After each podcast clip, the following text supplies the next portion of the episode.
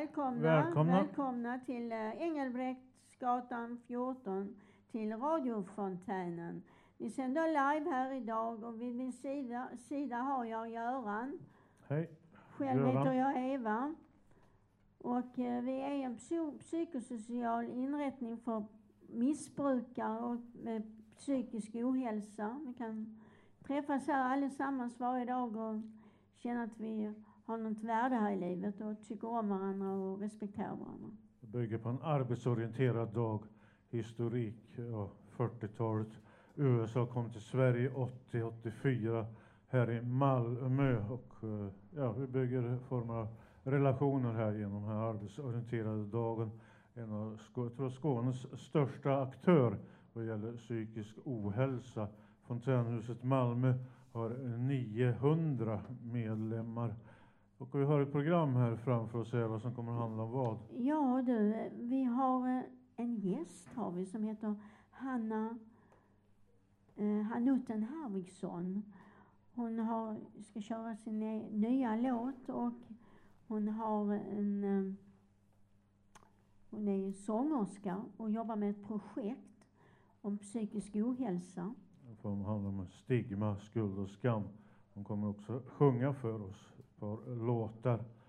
Och ja, ni är välkomna att lyssna på ett ganska barfota program. Musik.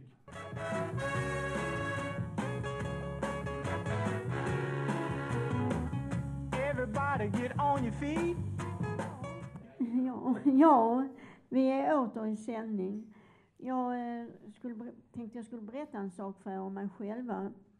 Och psykisk ohälsa, det har jag väldigt stor erfarenhet av. Men eh, jag slutade missbruka för 13 år sedan och det kan man säga är en stigma. Och eh, Ja, vi, uh, psykisk ohälsa, stigma, skuld och skam. Vi är inne i en avdelning av programmet här vi har en gäst här. Hanna Hanutten Harvidsson som arbetar med ett projekt som heter Säg det, sen gör det här i Malmö, nya, sitt nya känsloprojekt. Eh, välkommen här Hanna, Tack så mycket. kul att ha dig här. Ja, Kan du berätta lite om ditt projekt? eh, ja, det kan jag göra. Det är ett nystartat arvsfondsprojekt eh, som är treårigt. Eh, och vi jobbar med att utmana känslonormer genom kreativitet. Eh, och då tänker ni, hur gör vi det? Och vi är precis i uppstarten så det är väldigt eh, utforskande där vi eh, samlar in berättelser om känslor och eh, testar olika metoder, eh, uppmuntrar till ett större känsloutrymme genom kreativiteten. Eh, och det är ABF som är projektägare. Eh, så det är ett kulturprojekt, det är inte behandlande men om det kan leda till att eh, människor hittar fler verktyg för att uttrycka sina känslor så är ju det fantastiskt. jo, jag har en fråga till er här. Har du varit utsatt för skam och skuld och känt sådan smärta? Om jag har känt eh, skam och skuld? Mm. Absolut. Det, det tror jag att alla har gjort någon gång. Mm. Och sen har jag en fråga till här. Vad innebär stigma för dig? Om man är stigmatiserad, då har folk förutfattade meningar och de tror inte att man ska klara saker här i livet. Ja, eh, för mig så tror jag att alltså stigma handlar nog ofta om att, i alla fall de som kanske inte har tillgång till sina egna känslor, att man är rädd eh, för att möta andra, för man själv kanske inte har, eh, jag har den kontakten med sina egna känslor. Eh, Många brottas med en form av känslomässig obalans, kanske viss form av känslomässig sjukdom. Finns det någon möjlighet att tillfriskna i känslorna, vara i dem, kännas vid sig själv, acceptera sig själv? mm, vad, vad var frågan? Jag tänkte om man har mycket skuld och skam Ja. och komma i kontakt med sig själv, Mm. att det finns en risk att man låser sig i en position av skuld och skam Mm. och inte kan eh, nå omgivningen, att det blir en självpåtagen isolation. Ja, alltså jag tror att det är väldigt individuellt liksom. Eh, Men det är just därför jag jobbar med det här projektet. Mina två kollegor sitter där borta. Eh, och eh, att, att man testar, man hittar liksom uttryckssätt som funkar för en själv. Liksom. Det är ju jätteindividuellt. Kan man liksom bli mer kreativ igenom sin egen psykiska ohälsa? Jag vet många eh, stora artister som har haft problem både med missbruk och säkert eh, olika former av ohälsor som har gjort något kreativt av det. Har du någon sån erfarenhet? Jag kan ju bara tala utifrån egen erfarenhet. Men för mig så är det ju absolut, det är livsviktigt för mig att uttrycka mig kreativt. Och eh, jag tror att alla människor behöver hitta sätt och uttryck. Annars så blir det till slut en känslobomb och man sprängs. Eh, så att det måste vi absolut bli bättre på och framförallt att bara göra utan prestation. Liksom. För att vi mäts hela tiden utifrån det. Liksom. Vad klarar vi?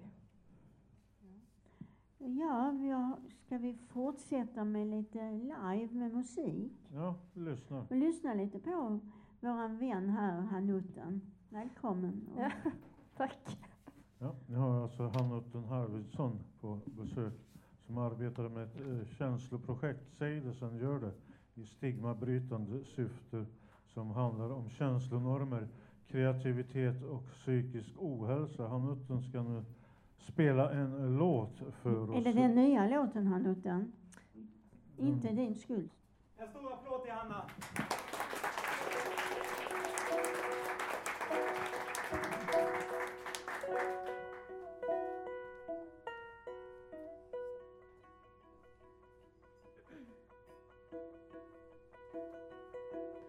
Jag ville säga hur det var men möttes av stora krav att vara någon jag inte var.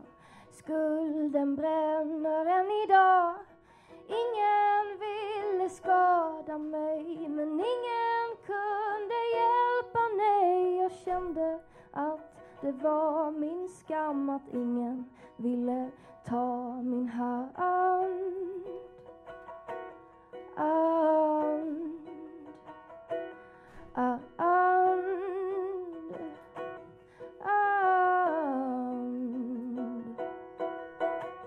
Det är inte din skuld, det är aldrig ditt fel. Det är ingen svaghet att inte orka mer. Orka mer. När ingen ser. Men kommer jag att klara mig? Jag kan inte längre gömma dig. Du som tar all min luft i min mage äter upp allt som varit i nyans är nu bara svart och kallt. Jag måste hinna leva mer. Jag tänker inte ge dig mer. Jag tänker inte ge dig mer. Jag tänker inte ge dig mer. Jag tänker inte. Jag blir intakt och lägger av. Kommer inte längre följa några krav. Jag blir intakt och lägger av. Kommer inte längre följa några krav. Allt som vi lärt oss på rutin. Priset av vad vi formas att bli.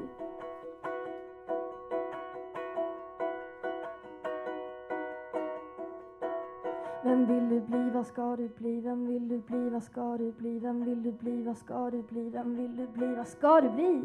Vem vill du bli? Det är inte din skuld, det är aldrig ditt fel. Det är ingen svaghet att inte orka mer. Orka mer. När ingen ser. Din skuld, det är aldrig ditt fel. Det är ingen svaghet att inte orka mer. Orka mer när ingen ser. Jag ville säga hur det var men möttes av stora krav att vara någon jag inte var. Skulden bränner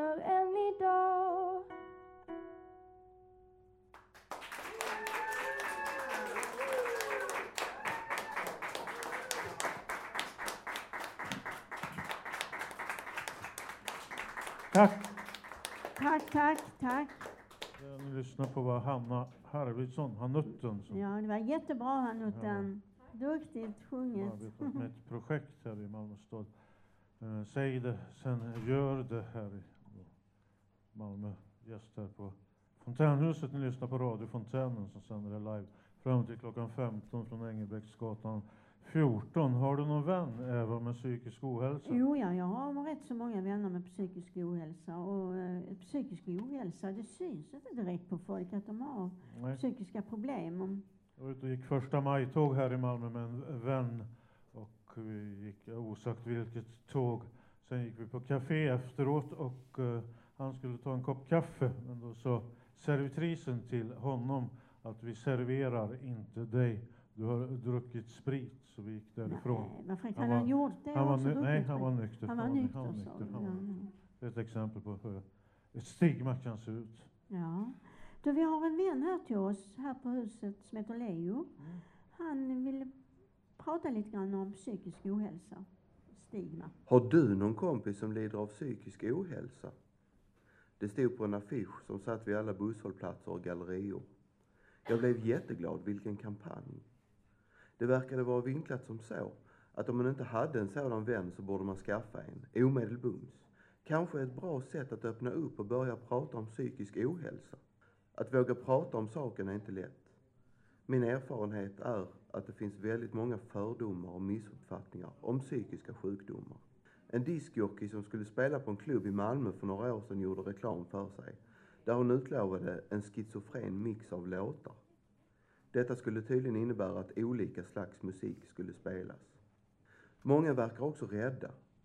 De kanske har läst mycket Tintin, där vi mer eller mindre framställs som dårar som kutar runt med knivar och försöker hugga ner allt som kommer i vår väg. Dags för fakta. Människor med psykisk ohälsa är inte mer våldsbenägna än befolkningen i övrigt. En liten, liten överrepresentation för våldsbrott finns och den återfinns bland de som har en dubbel diagnos. Psykisk ohälsa kombinerat med missbruk av alkohol eller droger. Sociala sammanhang kan bli svåra att hantera. Vad man arbetar med är ett vanligt samtalsämne och jag får ofta frågan vad jag jobbar med när jag träffar nya människor. Det jag helst av allt vill undvika är följdfrågor. Varför är jag sjukpensionär? Tänk att kunna berätta.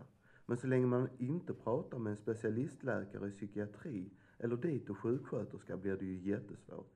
Kunskap och fakta kontra fördomar och missuppfattningar. Jag har också mött avundsjuka. Min funktionsnedsättning är inget som direkt syns utåt. Så jag har mött människor som blivit avundsjuka när de hör att jag har hela dagarna ledigt till fritidsaktiviteter. Kanske de skulle vilja byta med mig? Gärna. Det är ju snarare jag som vill byta med dem. Kanske bara för en dag. Att kunna umgås, förstå och kommunicera med andra människor. Delta i det sociala samspelet med allt vad det innebär. Ensamhet är inte bra och när man inte kan göra så mycket åt saken kan livet kännas tungt. De som är avundsjuka och klagar på att de är less på jobbet kunde också prova på hur det är att leva på låg budget. Byt med mig, bara en dag. Eller kanske två. Min förhoppning är att någon tar fatt i problemet. En rejäl informationskampanj hade varit på sin plats. Jag vill göra vad jag kan och ta upp psykisk ohälsa i de kanaler som är öppna för mig genom Fontänhuset i Malmö. Jag är värd lika mycket som vilken annan människa som helst. Även om jag inte har jobb och pengar och popularitet och snygg partner och fräsiga bilar och tjusig lägenhet och katter och hundar och marsvin. Jag är jag och jag vill kunna vara jag. Utan missförstånd och fördomar. Den dubbla sekretessen på psykiatriska journaler talar väl för sig själv. Inte ens en allmänläkare får veta. Och affischerna som gjorde mig så glad. Det var ingen dröm. Det var i staden Malaga i provinsen Andalusien i Spanien. Jag saknar verkligen sådant i Sverige. Because you know I'm all about that bass, about that bass, no trouble. I'm all about that bass, about that bass, no trouble. I'm all about that bass. Hej!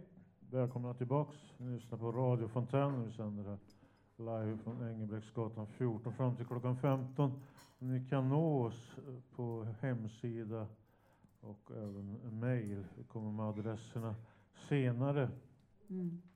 Ja, då eh, ska vi se här. Vi har en Evas dagbok vi ska lyssna på. Och jag föreslår eh, stranden när det är sånt här väder. Lite på eftermiddagen, sen på, lite senare in på eftermiddagen och ut på handikappsbadet, ta ett dopp och sola lite och ha det lite trevligt med era vänner. Nu kommer Evas dagbok.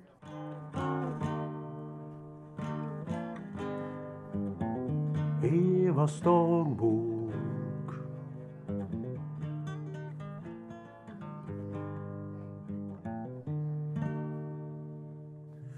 Evas dagbok.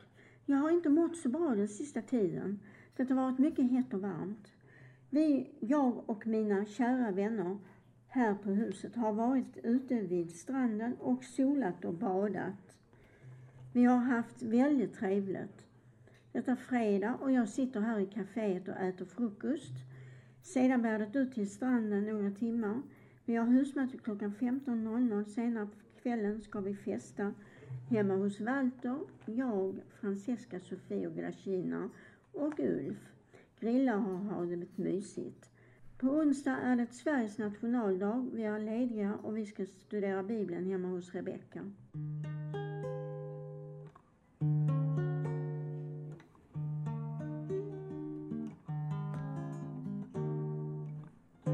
Evas dagbok Evas dagbok Evas dagbok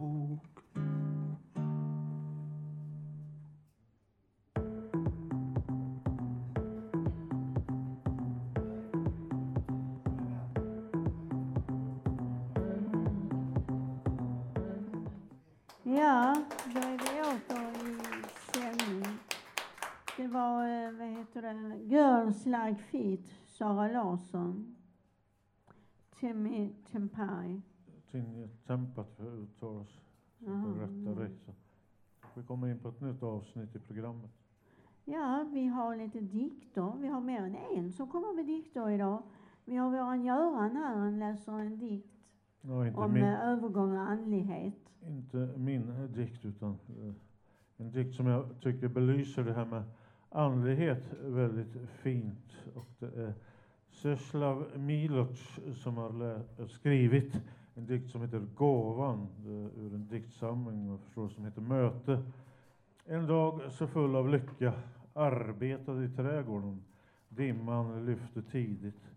Kolibrierna stod stilla över kaprifolens blom. Det fanns på jorden inte en sak jag ville äga. Jag visste inte någon värd att avundas. Vad ont som hänt hade jag glömt. Skämdes inte för tanken att vara den jag alltid varit. Kände i kroppen ingen smärta. När jag rätade på ryggen såg jag blå hav och segel. Mycket fint. En applåd till Göran. Och vi går över på det här ämnet med andlighet. Eva, har du någon andligt sammanhang du kan uppgå i eller något sånt där? Ja, du, jag har börjat på Jehovas vittne. Jag går på möten två gånger i veckan. Det är avkopplande och, och lu- jag känner mig som mycket lugnare människa. Ja, ja. Jag går sj- själv till kyrkan en eller ett par gånger i veckan och gör vissa saker, går på traditionella gudstjänster och annat, så jag har ett sammanhang att uppgå i. Jag har även gjort en intervju, gången tid med Louise Lundberg, en psykiater som kommer att komma i kommande program som handlar om psykisk hälsa och andlighet. Vi har en medarbetare här som har gjort en intervju med Andreas Westman. Ja, vi får lyssna på intervjun. Det är intressant. Andreas Westman från Europaporten, välkommen hit till radiofontänen. Tack, tack. Hur kommer det sig att du blev pastor då? Alltså jag, jag är född och uppvuxen i kyrkan och har alltid älskat den miljön. Jag trivdes där. Det är liksom det, det ena svaret. Det andra svaret som är lite svårare att förklara är ju att någonstans tänker jag att Gud vill det. Alltså Ja. det vi brukar ibland i kyrkan prata om, om Guds kallelse. Det låter lite pompöst va? men det, det är någon sorts inre längtan efter en, eh, att, att få göra någonting. Och I mitt fall så var det att få, få tjäna kyrkan som pastor. Nu när jag har en, eh, en pastor här, då kan inte jag låta bli att fråga. Nej. Det där med att tro på en högre makt, är inte Ja, det lite ja. förlegat? Förr i tiden så var man kanske större behov av tro på någon gud som hjälper en eller har någon som kan trösta en. Alltså, det där är en vanlig eh, uppfattning om, om, om religiositet, liksom. Att den hör till ett, ett primitivt stadium i människans liv. Eh, när vi är fattiga eller när vi är okunniga eh, så, så, så tar vi till Gud för att fylla igen så att säga, kunskapsluckorna eller, eller behoven. Mm. Och om man tittar på, på, eh, på undersökningar som görs om människors religiositet, religiositet i olika kulturer så verkar det ibland som om man har rätt när man, när man säger så. va? Ju rikare ett land är, desto mindre, verkar, desto mindre roll verkar religionen spela. Ja. Desto fattigare ett land är, desto större roll spelar religionen och eh, religiösa värderingar. Men, men du vet, vetenskapen har inte lyckats svara på frågan varför du finns till. Mm. Slumpen. Alltså, den är inte särskilt tillfredsställande. Den, det svaret eh, verkar folk inte vara tillfreds med. Så, eh, så länge ingen kan svara på den frågan utifrån några andra parametrar så, så behövs kyrkan. Det jag tycker är så härligt med Malmö, det är ju att Sverige, vi tror ju att världen ser ut som, som hos oss. Det vill säga, ingen, kyrkan behövs inte, kyrkan är på nedgång, kyrkan, alltså religion är väldigt marginaliserat liksom. Och så kommer alla invandrare hit från massa andra kulturer där religionen är supercentral i hela, i allt. Liksom. Man kan inte skilja på min identitet och min religion. Och helt plötsligt så börjar vi svenskar bara, jaha okej då, vad är vi då? Vad tror jag på? Om du är muslim, ja om då vill jag kristen. Alltså, Ja. Så det blir ett, ett liksom lite religiöst uppvaknande, så upplever jag det faktiskt. Jag tänker att det finns så mycket frågor som en människa har som modern vetenskap och eh, livet i, stort inte, inte bearbetar, inte svarar på. Eh, och därför behövs kyrkan. Eh, det verkar som om människor i alla kulturer och i alla tider har velat vända sig åt något, något större, tillbe en gud, alltså få svar på de här existentiella frågorna. Varför finns jag? Vad är meningen med livet? Och sådär. Vi erbjuder ju själavård. Då menar jag att utifrån en kristen människosyn bearbeta svåra saker i livet. Men inom psykologin så, min erfarenhet i alla fall, är att till exempel en, en människa som har en kristen grundsyn som kommer till en psykolog, då blir ju min tro om de existentiella frågorna blir också en viktig bit att bearbeta. Och det saknar ibland, ganska ofta verkar det som, psykologer ett språk för. Så man erbjuder inte hjälp med de bitarna, då tar man de andra bitarna. Och de är viktiga, de är jätteviktiga. Men det andra är, är faktiskt ett, ett komplement för många. Eftersom detta är en intervju för Fontänhuset. Ja, Då är det klart, undrar jag, har ni någon kontakt med människor som har psykiska problem? Eller vet du om eh, det finns några från Fontänhuset som kommer till er? Du, eh, för det första så tycker jag, eh, när du ringde mig så visste jag inte vad Fontänhuset var för någonting. Så jag googlade ju det och tittade upp och liksom, wow vilken fin verksamhet, vilken viktig verksamhet tänkte jag. va. Jag kan inte säga tyvärr, vi har, vi har nog ingen verksamhet som särskilt, som eran förening liksom Nej. riktar sig mot den här målgruppen.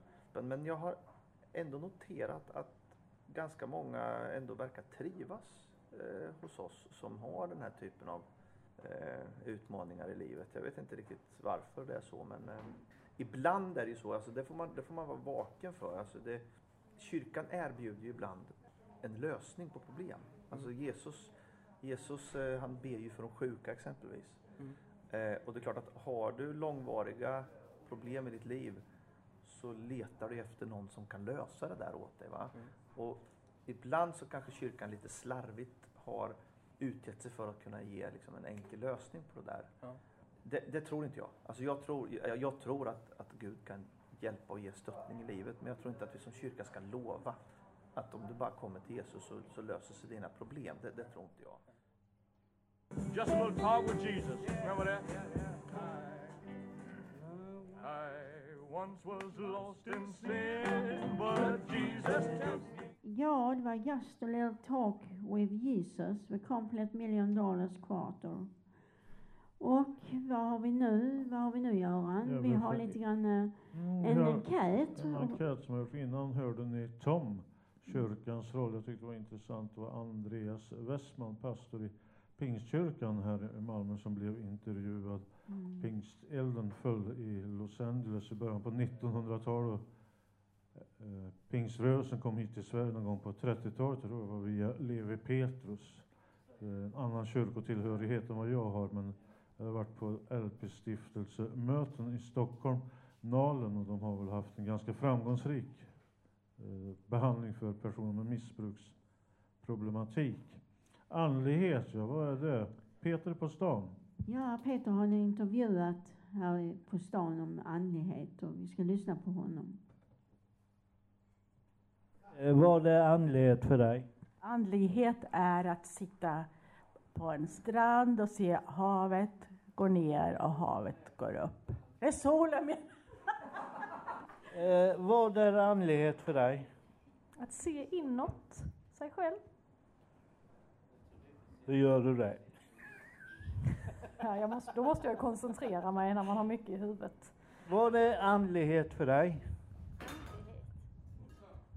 Inte. Har jag inte tänkt på. Nej. Det kan vi tål att tänkas på. Ja.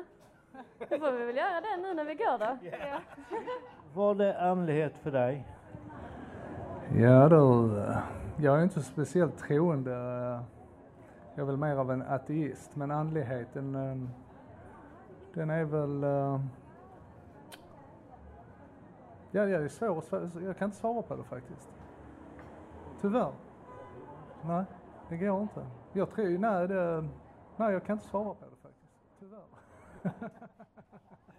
Vad är andlighet för dig? Det förstår jag. Andlighet, andlighet, alltså andlighet på svenska. Ja, det känner jag. Vad är andlighet för dig? Andlighet? Mm. Ja, det kanske handlar om eh, en annan dimension. Skulle jag tro. Nå- Något som kommer efter livet? Ja, eller samtidigt som livet. Det kanske inte behöver bara handla om döda människor. Det kanske kan handla om allt möjligt. Ha en eh, kommunikation utan att eh, vara fysisk. Det kan nog vara andlighet, tror jag. Svår fråga. Samklang med eh, livet, naturen, alltet, universum, kosmos, skapelsen.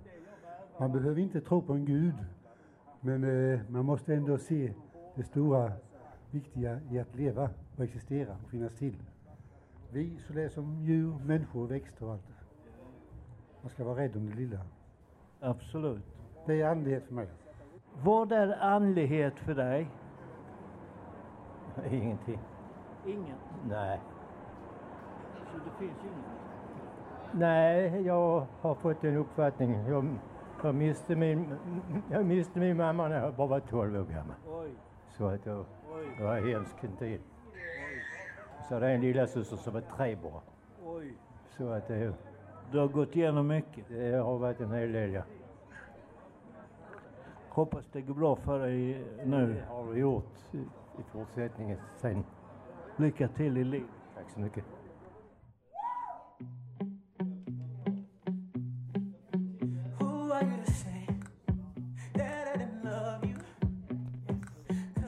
If I'm, if I'm lucky med Jason Derulo lyssnar vi på. Och nu så har vi lite nytt mer, lite fina sommardikter. Och det är Stefan som ska berätta det för oss.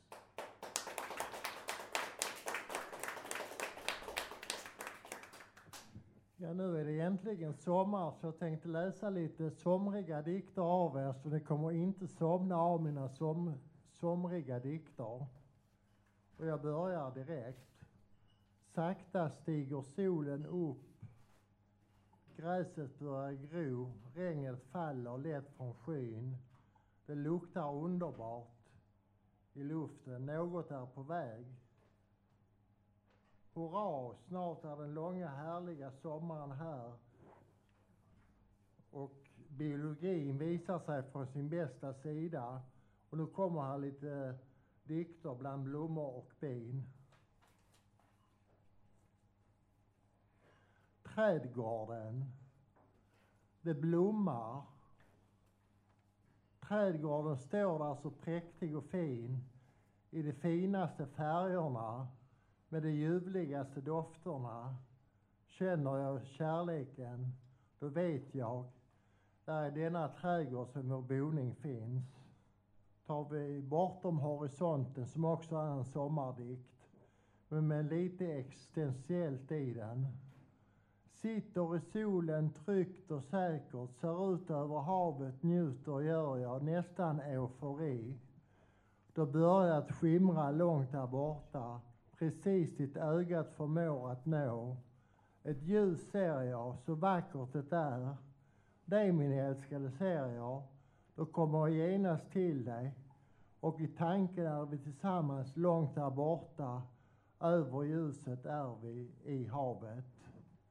Också en sommardikt. Så tar vi den sista som också heter, den heter Bortom havet. Betraktande i den mjuka varma sanden står vi där vid havet och ser mot horisonten. Kanske är det ursprunget, ja, tillsammans anar känner vi något när vi kommer längre ut i det varma havet. Det blir en stark känsla av samhörighet utan tid och rum.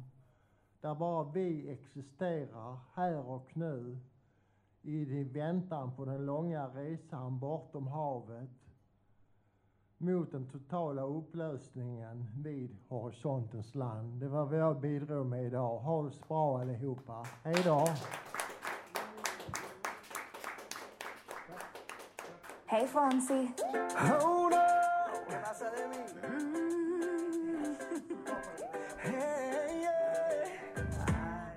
Ja, det var A Shame La Culpa, Louis von Nis. Och vi eh, fortsätter här, vi närmar oss slutet på programmet.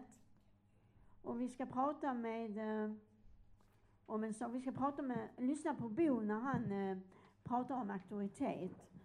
Du kan ta över här, Göran. Ja, jag kan gå över här. Alltså, den ni hörde också var Stefan, Stefan med sina fina sommardikter.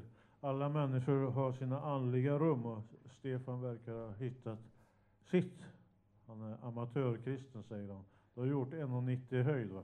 Eller 1,90. Han var, var du främst i Skåne då? Tvåa i Skåne. Jag gjorde 1,45 som eh, 13-åring eller sånt. där. Det var inte så bra. Så, ja, vi går en övergång från andlighet till auktoritet och vi har en medarbetare som gjort angående auktoritet och vi har en form av samvets frihet någonstans. Auktoritära livsyttringar är inte bra. Ska vi lyssna? Hur ska jag göra om jag behöver hävda mig mot en auktoritet? Jag vet inte riktigt, men kanske genom att intala mig att det är något jag klarar av. Genom självsuggestion, att prata med någon förtrogen om hur det ska, helst ska gå till. Att öva sig med rollspel i en trygg miljö. Att åter intala sig att det kommer gå bra, fast det kanske kan vara svårt. Att repetera det jag vill säga och öva sig på att prata. Lycka till och till sist vill jag säga att jag själv tycker att det är svårt. Slutligen är det kanske något typiskt svenskt att inte kunna hävda sig mot auktoriteter.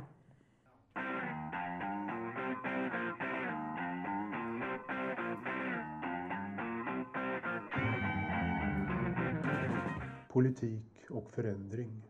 En uppsats av Bengt Lidén, V-jeanspartiet. 1. Daglig omdaning. 2. Mot globalt förbättrade villkor. 3. Är världen god? 4. Domedagsinsikt. 5. Sista stadiet i kretsloppet. 6. Förnyelse av politiken. Domedagsinsikt. Var och en möter förr eller senare sitt slutgiltiga öde. När detta sker sprider sig ödmjukheten över alla gränser. När det sätter stopp för eller förkastas intill dags ände och då finner sin Herre, sitt allt tillsammans. Detta är slutet. Ja, då är vi åter här. Vi ska se, vi, har vad, vi ska gå igenom vad vi har gjort idag. Detta är slutet. Vi går mot slutet av programmet. Så detta är slutet. Och ni hörde var Bengt om politik. Och innan dess var det Jimi Hendrix Freedom. Detta är slutet. Vad har vi haft i programmet idag, Eva? Du, vi har haft lite grann om eh, stigmatisering. Vi har haft vår gäst Hanna Hanutten och lyssnat på en sång hon har skrivit. Mycket fin musik, Hanutten. Tack ska. Medverkande i programmet har varit Leo som har, Mm. det har handlat lite om stigma. Ja, samband Peter med- på stan med enkäten var trevlig. manlighet som Ja. haft eh, intervju med en eh, pingstpastor Ja. av Bo. Ja, men Som- pastorn var Ja. Tom. Ja, Tom, det stämmer, det hade jag fel. Stefan har läst dikter för oss, två sommardikter. Sen har vi haft eh, producenter har varit Och Evas dagbok. Evas dagbok. Producenter Jenny, nu ska vi se här, eh, Jenny, Harald och Ronny har varit producenter. Jag, Göran och Jörgen har satt ihop musik. Sen någon mer som har varit medverkande teknik. Tekniken har eh, Bert eh, stått för. Bert på teknik och ja. Ska Och vi- så ska vi tacka varandra. Ja, vi får tacka så här. En minut kvar, då En, kör vi en ja. minut till. Kommer du Ja. rösta något i år? Ja, ja, det är klart du ska. Jag ska rösta, jag vet inte på vad eh, riktigt. Det har Ja. varit lite en politik i det hela men. Ja, men det är ju bra, Göran. Tackar ska ni ha, publiken. Okej, hej då. Puss puss.